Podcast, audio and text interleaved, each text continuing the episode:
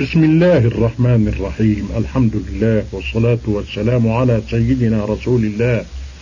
أما بعد فهذه قراءات من صحيح البخاري مع شرحها أيها السادة المستمعون. السلام عليكم ورحمة الله وبركاته. روى الإمام البخاري في صحيحه بسنده عن أنس بن مالك قال قال رسول الله صلى الله عليه وسلم ألا أخبركم بخير دور الأنصار؟ قالوا بلى يا رسول الله. قال بنو النجار ثم الذين يلونهم بنو عبد الأشهل ثم الذين يلونهم الحديث. وروى في صحيحه بسنده عن سهل بن سعد الساعدي صاحب رسول الله صلى الله عليه وسلم يقول قال رسول الله صلى الله عليه وسلم بعثت أنا والساعة كهذين. كهذه من هذه أو كهاتين وفرق بين السبابة والوسطى. الحديث الثالث وروى في صحيحه بسنده عن ابن عمر قال قال النبي صلى الله عليه وسلم الشهر هكذا وهكذا وهكذا يعني ثلاثين.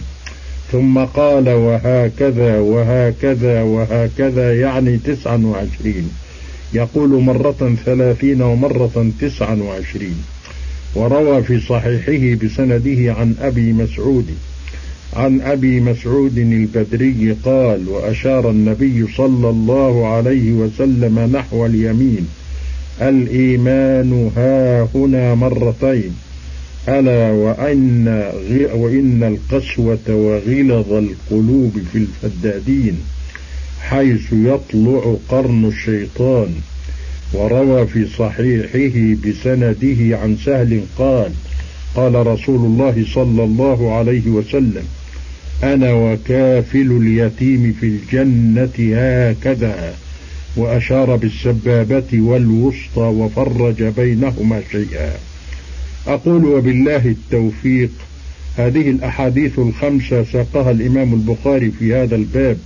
للاستدلال بها عن على أن الإشارة المفهمة تقوم مقام النطق والقول وإليكم شرحها بإيجاز وبيان مواضع الاستشهاد بها.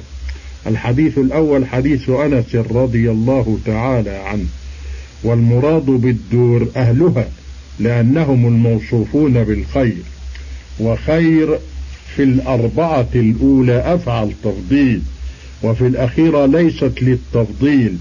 والمراد خير من الخيور. فقد عمم رسول الله صلى الله عليه وسلم الخيرية في كل الأنصار. والشاهد في هذا الحديث في قوله ثم قال بيده أي أشار بيده. فالقول هنا بمعنى الإشارة. ثم بين الراوي إشارته فقال فقبض أصابعه ثم بسطهن كالرمل. الحديث الثاني حديث سهل بن سعد صاحب رسول الله صلى الله عليه وسلم ووصفه بالصحبة للإشارة إلى فضله فإن الصحبة من أشرف الصفات. قوله صلى الله عليه وسلم بعثت أنا والساعة برفع الساعة على العطف على الضمير في بعثت وبالنصب على أنها مفعول معه كهذه أي السبابة من هذه أي الوسطى أو كهاتين أو شك من الروي والمراد بيان قرب بعثته صلى الله عليه وسلم من قيام الساعة وهذا القرب يتفاوت. فقد يكون زمنه قليلا وقد يكون زمنه كثيرا. ولا يعلم الحقيقة إلا الله تبارك وتعالى. ومما ينبغي أن يعلم ولا سيما لطلاب العلم والحديث أن عمر الدنيا ليس كما زعم اليهود المبطلون ومن أخذ عنهم أن عمر الدنيا سبعة آلاف سنة. إن هذا من خرافات بني إسرائيل وأباطيلهم. وعمر الدنيا أضعاف أضعاف أضعاف ذلك. كما دلت على ذلك الأبحاث العلمية الحديثة. والقرب كما قلت يا سادة من الأمور النسبية. فلا تلتفتوا إلى ما قاله بعض الناس في هذا. الحديث الثالث. حديث ابن عمر عن النبي صلى الله عليه وسلم قال الشهر هكذا وهكذا وهكذا يعني ثلاثين. وأشار صلى الله عليه وسلم بأصابع يديه العشر ثلاث مرات. وهكذا وهكذا وهكذا يعني تسعة وعشرين.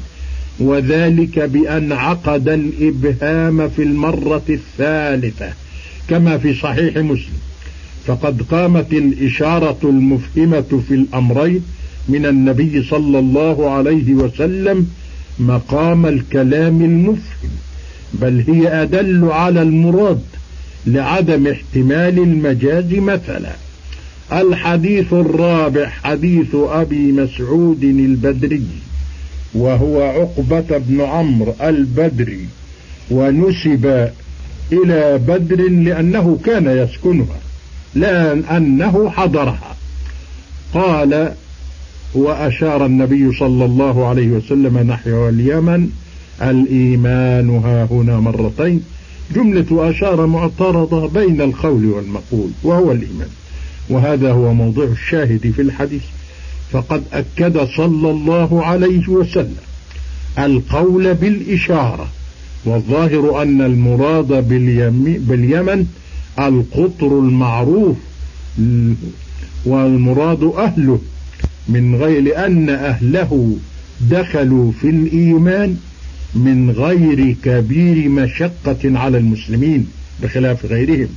ومن اتصف, ومن اتصف بالشيء وقوي إيمانه به نسب ذلك الشيء إليه إشعارا بكمال حاله فيه لأنه خاص بهم. ألا إن القسوة وغلظ القلوب في الفدادين بفتح الفاء وتجديد الدال الممدودة بعدها دال مخففة مكسورة جمع فداد وهو الشديد الصوت.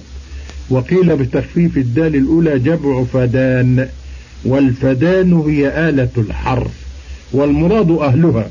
وإنما ذموا لأن الاشتغال بالحراثة والزراعة قد يشغل صاحبه عن أمور الدين غالبا ولما فيهم من القساوة وال القساوة والغلظ حيث يطلع قرن الشيطان قرن الشيطان وهو من الكنايات البديعة حقا.